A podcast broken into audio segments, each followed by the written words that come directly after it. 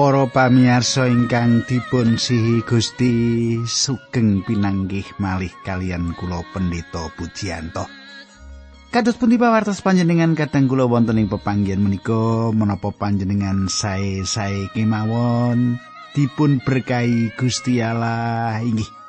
Pandonga kula kados makaten kadang kula lan Kulo badhe sesarengan kalian panjenengan wonten ing salebetipun adicara margi utami.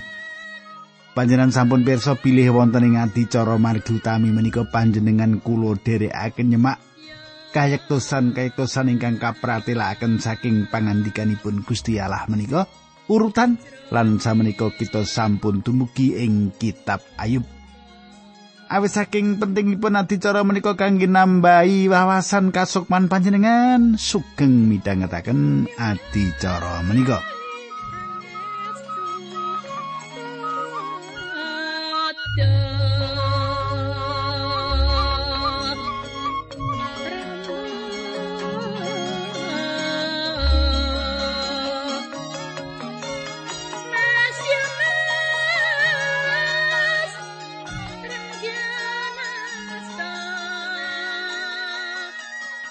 Para pamirsa awet saking pepanggian-pepanggian menika kula nderekaken panjenengan urutan maos pangandikanipun Gusti kula badhe ngringkes menapa ingkang kula aturaken nalika pepanggian kepengker menika.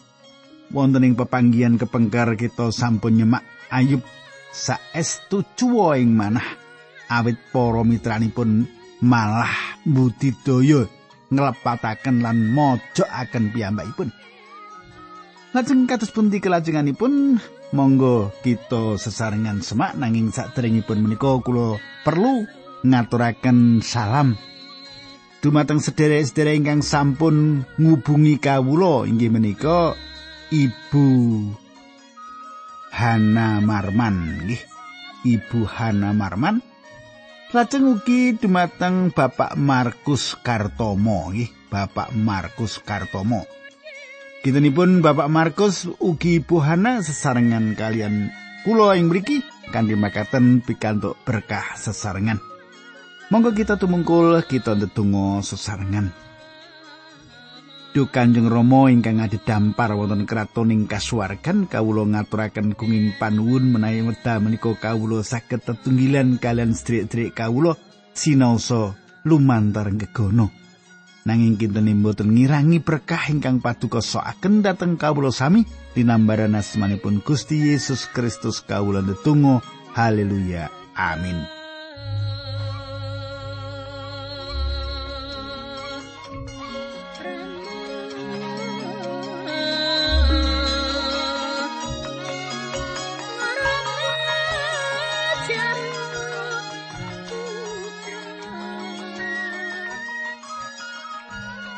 Para pamirsa samenika kita lumebet kitab Ayub bab 13 nih. Bab 13 ayat 1 loro telu kita sampun sinau ngantos teko pitu samenika kula badhe maosaken ayat 8 ngantos sedasa nggih.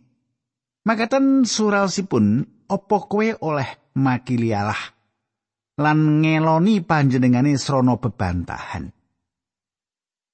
Yen kowe dititi preksa dening Allah apa hasilé mesti becik? Apa kowe bisa ngapusi Allah kaya yen kowe ngapusi manungsa? Yen kowe meneng-meneng ngiloni, kowe bakal dihukum dening Allah lan ditampik. Makaten pangandikanipun Gusti. Para pamirsa, panjenengan katasaken Ayub meratelaken bilih Gusti Allah badhe paring paukuman dumateng para mitranipun awit menapa? Awit para mitranipun lepat nafsiraken piyambakipun. Saniki ayat 11 ngantos 14. Apa kaluhurane Allah ora gawe girise nyawamu? Lan kasektene apa ora njalari kowe wedi? Gunemu kuwi tanpa guna wangsulanmu kaya lemah lempung sing gampang ajur. Mulane meneng aku sing guneman. Aku ora merduli apa kawusanani. Aku wis yoga ngetohake nyawaku. Makaten pangandikan Gusti. Panjenengan tingali para pamirsa bilih ing tengah-tengah sedayanipun menika.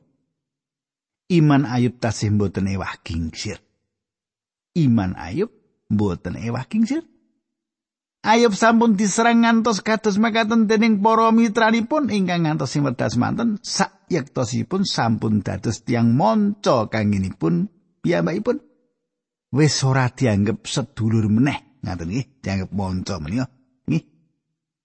Ayat kang 11 aku wis nekat mergo wis semplah hatiku saupama Allah arep mateni aku aku pasrah. Nanging aku arep mbela penggawiku ana ing ngarsane. Para pamirsa menika ingkang dipun ucapaken Ayub ing wekdal semanten. Panjenengan gatosaken. Ingkang dipun sanjangaken menika satunggalipun pratelo iman Ayub ingkang ngedapi-dapi. Panjenengan tingali para mitranipun sawek ndakwa Ayub nindakaken dosa awrat. Kados to patrap mboten gadah moral utawi patrap mboten jujur utawi dosa kedagingan sanesipun. Nanging Ayub mboten nindakaken dosa ingkang kados makaten menika. Awit saking menika Ayub sanjang bilih piyambakipun badhe sowan ing pangayunanipun Gusti Allah lan badhe mbela badanipun piyambak wonten ing mriku. Kadang kula ing wekdal panjenengan wonten ing ngarsanipun Gusti Allah panjenengan namung saged nyuwun minangka jejering tiang lepat awit panjenenganipun tepang kalian panjenengan. Gusti Allah tepung kalian panjenengan. Panjenengan boten saged sowan dumateng pengayunanipun sesarengan kalian pengacara ingkang sampun biasa nguwalaken panjenengan saking pandakwa ingkang katujuaken dumateng panjenengan.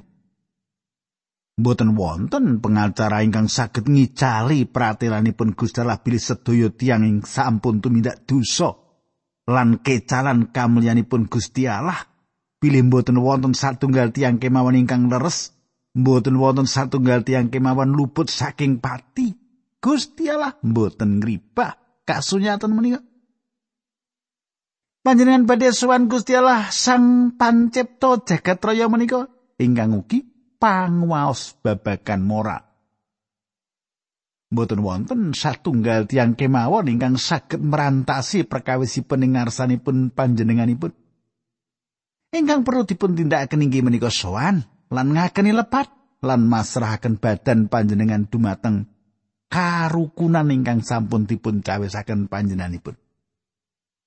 Menika sedaya awet raipun Sang Kristus karukunan panjenengan antawisipun panjenengan kalian Gusti Allah.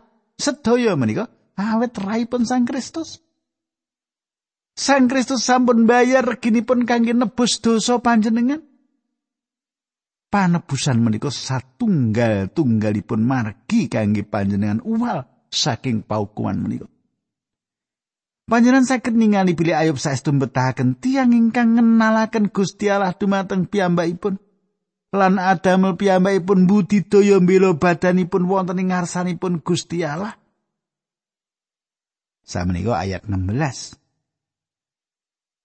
bisa uga kekendelan kuwi iki nyelametake aku merga wong ala ora bakal wani sowan ing ngarsane Allah. Para pamirsa panjenengan katosaken.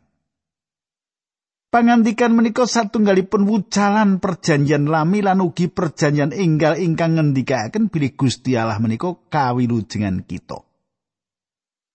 Daud nyepengi kasunyatan menika awit Daud nindakaken satunggal dosa ingkang gegirisi. Mesti kemawon piyambakipun boten gesanging salebetipun dosa, nanging piyambakipun betahaken sang juru wilujeng. Piyambakipun nyerat tubi panjenengan semak Mazmur swidak kalih ayat 3. Saknyatane mung panjenengane piyambak kang ngayomi aku lan nyelametake nyawaku. Kawilujengan sanes kados dene arta ingkang panjenengan beto ing sak panjenengan lan saged ical Kawilujengan inggih menika Gusti Allah. Jaman samenika kawilujengan menika Gusti Yesus Kristus. Panjenengan kumandel panjenenganipun utawi mboten kumandel dumateng panjenenganipun. Mboten wonten pilihan sanes. Panjenengan mihak dumateng panjenenganipun utawi mihak dumateng tiang sanes.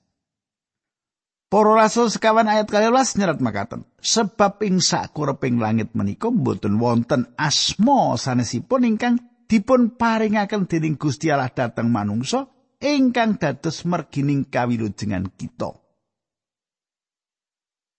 Panjenenganipun menika satunggal tunggalipun margi kamardikanipun kangge manungsa. Saestu ngetapi ingkang saged gesang ing jaman bapa luhur bangsa Israel kados Abraham, Iska lan Yakub namung nampeni cahya ingkang radi remeng-remeng. Lajeng ayat pitulas lan wolulas. Saiki rungokno tembungku, titenono keteranganku. Aku wis yoga ngajokake perkaraku, aku yakin yen aku bener. Kadang kula kita gesang ing jagat ingkang balelo dumateng Gusti Allah awit manah kita ingkang awon. Mboten wonten satunggal tiang ing antawisipun kita ingkang sangat penting kanthi makaten Gusti Allah mbetahaken kita ing salebeting Gusti Allah ngelaksanakaken rancanganipun ing bumi. Panjenenganipun menika saged nindakaken rancanganipun tanpa kita nanging syukur dumateng Allah. Panjenenganipun resnani kita lan panjenenganipun nyawisaken margi kangge kita supados kita dipun beneraken. Sang hakim kagungan sih kawelasan dumateng kita lan ngutus putranipun piyambak kangge mbayar paukuman kita.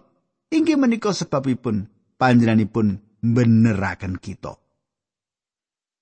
Kita lajengaken ayat 19. Duh Allah. Menawi paduka rawuh gugat dhateng kawula, kawula badhe mendel nenggo aja kawula. Makaten Ayub sandang Para pamirsa, perkawis menika perlu kita gatosaken. Ing wiwitanipun Ayub sanjang bilih piyambakipun kepengin pecah. Piyambakipun kada pengajeng-ajeng piyambakipun boten nate dipun lairaken. Samenika piyambakipun sanjang bilih menawi piyambakipun pun kendelan cilaka. Nanging panjenengan gatosaken pilih piyambakipun tonton boten nindakaken perkawis menika. Ayub 13 ayat kali dosa ngantos rolikur makaten surasipun. Nanging panyuwun kawulo kali perkawis menika mugi paduka jurungi supados kawulo wani sowan malih. Panyiksa paduka mugi paduka kendeli lan sampun ngantos kawulo kadamel giris mergi kasekten paduka. Kawulo aturi ngendika kawulo badhe nyaosi wangsulan utawi kawulo ingkang matur lajeng kersa paduka paring wangsulan. Katanggulo Ayub kados-kados ngatur Gusti Allah menapa ingkang kedah dipun tindakaken. Kula kuwatos kata ing antawis kita nindakaken perkawis menika. Kula pireng kathah tiang sanjang bilih donganipun boten dipun jawab, boten. Boten wonten donga ingkang boten dipun jawab para pamirsa. Gusti Allah paring jawab atas sedaya donga kita. Sinau asring Gusti Allah paring jawaban ora dumateng donga kita. Sak mbotenipun panjenenganipun sampun ngendika ora dumateng saperangan ageng saking donga-donga kula nanging nggih menika jawabanipun ora. Para pamirsa kita kedangaken bilih kata saking donga kita ingkang namung nyukani parintah dumateng Gusti Allah. Kita ndedonga kados-kados kita menika sersan kepala ingkang nyukani perintah dumateng prajuritipun. Mesti kemawon Gusti Allah mboten tumindak kados makaten. Ayo budidaya merintah Gusti Allah supados Gusti Allah merantasi perkawis menika. Nanging Gusti Allah ngendika, aku ora tumindak kang alasan rancanganmu.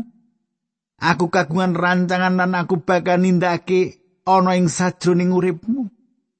Wonten tiyang ingkang sanjang pilih kanthi ndedonga kita ngribah Gusti Allah. Kadi makaten tiang-tiang menika rumaos mboten wonten ginanipun kangge ndedonga. Menapa ingkang kula aturaken menika ngemutaken kula menapa ingkang kelampaning gesangipun Ayub menika. Pemanggipun tiang-tiang menika gegayutan lan donga inggih menika bilih Gusti Allah kedahipun. Panjenenganipun ingkang purun rawuh atas ulemanipun lan panyuwunipun tiang-tiang menika. Para pamirsa. Tujuan donga sanes kangge ngribah Gusti Allah. Menapa kita gadah pikiran bilih kita saged ngribah Gusti Allah kanthi donga? Gusti Allah sampun yoso rancanganipun lan panjenenganipun gadah sedaya keterangan. Tujuan utami saking donga inggih menika kangge ngribah kita. Kita asring maos sembuyan ingkang meratelaken donga ngribah samukawis. Panci donga saged ngribah kathah perkawis. Nanging ingkang penting piyambak inggih menika donga ngribah kita. Gusti Allah sanes pembantu. Ampun gadah pemanggih bilih panjenengan saged nyebut asmanipun kangge rawuh lan nglantaraken dawuh dumateng panjenengan utawi kangge panjenengan. Inggih menika ingkang dipun tindakaken Ayub. Kula mboten nglepataken Ayub awit kula asring nindakaken ingkang kados makaten menika. Panjenengan kados pundi kadang kula? Menapa kados kula? Merintah Gusti Allah. Kita lajengaken Ayub bab 13 ayat 13 ngantos langkung. Dosa lan kalepatan menapa kemawon ingkang kawula lampahi lan sedaya panerak kawula mugi paduka ngendikaaken. Kenging menapa paduka nyingkiri kawula kenging menapa kawula paduka anggap mengsah kawula rak namung ron garing ingkang dawah kabur kanginan. Kenging menapa kawula paduka ancam kawula rak namung damen garing kenging menapa paduka oyak-oyak. Makaten nggih sambat sebutipun Ayub. Para pamirsa, wonten ing seratan kala wau Ayub gadah kekajengan mangertos sepinten to kathahipun dosa lan panerakipun ingkang sampun dipun tindakaken kanthi makaten piyambakipun saged mangertos kenging menapa piyambakipun kok nglampahi lelampahan ingkang kados makaten menika. Ayub sanjang piyambakipun kados lembar godhong ingkang katemu angin dhateng mriku mriki lan sampun dipun idak tiang. Ora ana aji. Pitulikur wolikur. Makaten surasipun. Suku kawula paduka rante srana tosan. Sak polah tingkah kawula paduka pirsani dumugi telapakane suku kawula mboten oncat saking paningal paduka. Pramila kawula lajeng dados kajeng gapuk kados sinjang ingkang katedha ing renget. Katang kula ayu prumaos pilih piyambakipun sampun tambah sepuh. Piyambakipun boten saged mangertos kenging menapa kedah nandang kasangsaran. Samenika pasinon kita lumebet ing kitab Ayub 18. Ayub 18 bab setunggal. Wiwit lair mila manungsa menika ringkih tanpa daya umuripun celak lan kebak kasangsaran. Kadang kula tembung tanpa daya ing mriki sami kalian kebak kangilan. Kangilan satunggalipun perangan umum ingkang boten kapisahaken kalian menungso. Kita sedaya gadah kangilan, gitu. Kados dene Elipas nate sanjang. Ayub kang sayat pitu ora. Nanging menungso dhewe sing nekake celaka marang awake kaya pleti ing geni wetune uga saka geni. Para pamirsa kita lajengaken ayat kalih bab 18 nggih. Kados sekaring kang sami lajeng alum, ical kados sayang-ayangan lan boten dateng malih. Kadang kula Ayub meratelaken pilih pati boten saged kasingkiri lan bilih kita kedah nilaraken jagat menika. gesang inggih menika kados wewayangan. Ing wekdal sang surya angslup menapa ingkang dumados sing wewayangan menika? Wewayangan menika badhe ical wong srengenge ra ana. Nggih. Kula lajengaken ayat 3 lan sekawan ayub bab 18 makaten surasipun. Duh Allah Menapa inggih paduka kersa mirsani dhateng kawula sarta ngladosaken kawula dhateng pengadilan paduka menapa saged manungsa ingkang nandang dosa ngasilaken kasampurnan Kadang kula Kita sedaya dipun lairaken dados tiang dosa. Daud sanjang wonten ing Mazmur 51 ayat 5 Mergi kawula piyambak sampun ngrumaosi ing panerak kawula lan kawula tansah ngudi ngawonaken dosa kawula. Para pamirsa kados pundi kita sedaya saged dados setunggal titah tanpa dosa emendal kita gadah bapak lan ibu ingkang dosa. Panjenengan boten saged ngedalaken perkawis ingkang resik saking barang ingkang reget, gitu. Kula lajengaken ayat kangsa. Umuripun menungso sampun paduka tetepaken watesipun. Cacaing wulanipun sampun paduka temtokaken, semanten ugi wates-watesing gesangipun. Mokal saupamiya badhe kelangkungi. Kadang kula Ayub sanjang bilih dados menungso piyambakipun rumaos bilih Ayub kaayoman kanthi sae. Daud nyerat Mazmur 33 ayat sekawan. Lakuku senadan ngambah dalan sing peteng dedet. Menapa piyambakipun nujuaken tembungipun ing patinipun ing papan patileman? Mboten. Wiwit kita dipun lairaken para pamirsa, wiwit kita miwiti gesang kita. Kita lumampah nglangkungi satunggalipun ngare ingkang tundhonipun tumuju dhateng pati. Kita tansah lumampah ing salebetipun margining pati, tiang nate nyerat makaten. Nalika urip iki kawiwitan, semoga urip iku wiwit dijupuk saka awak kita. Para pamirsa kita lajengaken Ayub bab kawan was ayat pitu wolu songo sepuluh. Tumraping wet ingkang kategor tasih wonten pengajeng-ajeng saged trubus malih lan ngedalaken pang. Senajan oyotipun ing siti dados gapuk lan sogolipun pecah mergi bosok. Nanging semongso kagepok ing toya badhe tuwuh malih kados taneman nem. Ngedalaken pang-pangipun. Nanging menawi manungsa pecah, telas riwayatipun menawi pecah lajeng dateng pundi purukipun. Kadang kula manungsa saged ugi gesangipun kasiling jagat menika. Dados tiang kondang lan selajengipun pecah. Saged ugi wonten sawetawis tenger dipun dekaken kangge piyambakipun nanging menapa mupangatipun kangge menapa menika sedaya? Kita lajengaken ayat 18 ngantos kang 11. Sebab menawi manungsa pecah menapa saged tangi malih. Saben dinten kawula badhe nenggo giliran kawula ngantos puputing kasangsaran kawula. Kawula badhe paduka timbali lan kawula badhe nyaosaken wangsulan paduka badhe ngasihi kawula malih titah ingkang kadamel ing asta paduka. Kadang kula pati tansah dados pitakenan ageng kangge menungsa. Menawa manungsa mati apa bisa dheweke urip meneh? Malah ing sajroning pati Ayub mangertos bilih Gusti Allah badhe nimbali piyambakipun lan piyambakipun badhe paring jawaban atas timbalan kala wau. Kadi tembung sanes Gusti Allah dereng rampung urusan kalian kita sasampunipun kita pecah. Pati sanes pungkasan saking samudayanipun. Selajengipun Ayub sanjang malih. Ayub 19 ayat selawe ngantos 17. Aku sumurup yen juru selamatku gesang. Wekasane panjenengane bakal wungu mitulungi aku. Senadan kulitku rusak banget malah senadan tanpa daging pisan aku bakal nyawang marang Allah.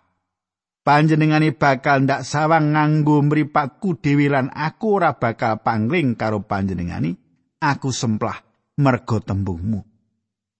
Kadang kula sedaya pasal menika satunggalipun geguritan kaprihatosan ingkang ageng kegayutan pati panjenengan waos sedayanipun nggih. Kadang kula ora krasa kita lumebet ing Ayub bab kang 11 nggih. Kula wasaken ayat setunggal ngantos tiga. Elifas, Ayub kandamu kuwi ngawur. Ora ana gunane. Ora ana wong wicaksana sing wangsulane kaya mengkono. Ora bakal ngeloni awake dhewe nganggo tembung sing ora ana tegese. Menika sanjangipun Elifas. Kadang kula sepindah malih panjenengan nyemak bilih Elifas mboten mitulungi Ayub. Piyambakipun malah nyobi kangge nyoklekaken Ayub lan meksa ngakeni minangka sanes cara ingkang saing ngladosi tiyang ingkang wonten ing salebetipun kangiran gesang. Bab kang 11 ayat kawan 56 Saupama karepmu dituruti ora ana wong sing wedi lan gelem ndedonga marang Allah meneh. Tembungmu dhewe mbuktekake yen kowe kuwi salah nanging pialamu kok tutupi nganggo keterangan sing ruwet. Aku ora susah gugat lan nyalahake kowe sebab kowe digugat dening tembungmu dhewe. Para pamirsa panjenengan semak Elipas sanjang bilih Ayub menika ingkang ndakwa piyambak. Elipas saestu estu mburu Ayub kados ingkang panjenengan semak. Ayat pitu ngantos songo. Apa rumangsamu kowe kuwi manungsa sing lair dhisik dhewe? Nalika gunung-gunung dititahke apa kowe ana ing kono Apa kowe krungu nalika Allah gawe rancangan apa mung kowe dhewe sing kadunungan kawicaksane menungso? Kabeh sing kok weruh, aku ya weruh. Kabeh sing kok ngerteni, aku ya ngerti. Kadang kula sepindah malih kita semak Elipas gada alasan saking anggepan ingkang lepat.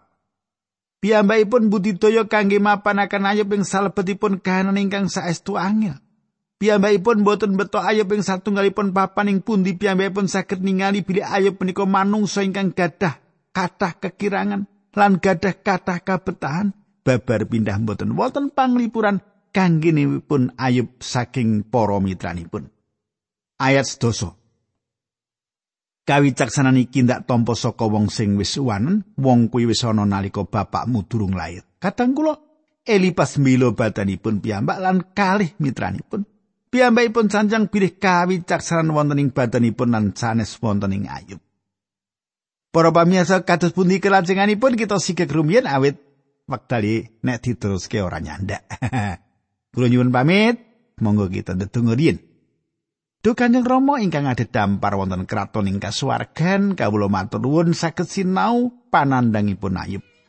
Kawula pasrahaken wonten ing asta paduka gesang kawula sami supados kawula tetep cecaketan kelan Gusti Allah menapa kemawon ingkang dumados. Dinambaran asmanipun Gusti Yesus Kristus kawula ndedonga. Haleluya. Amin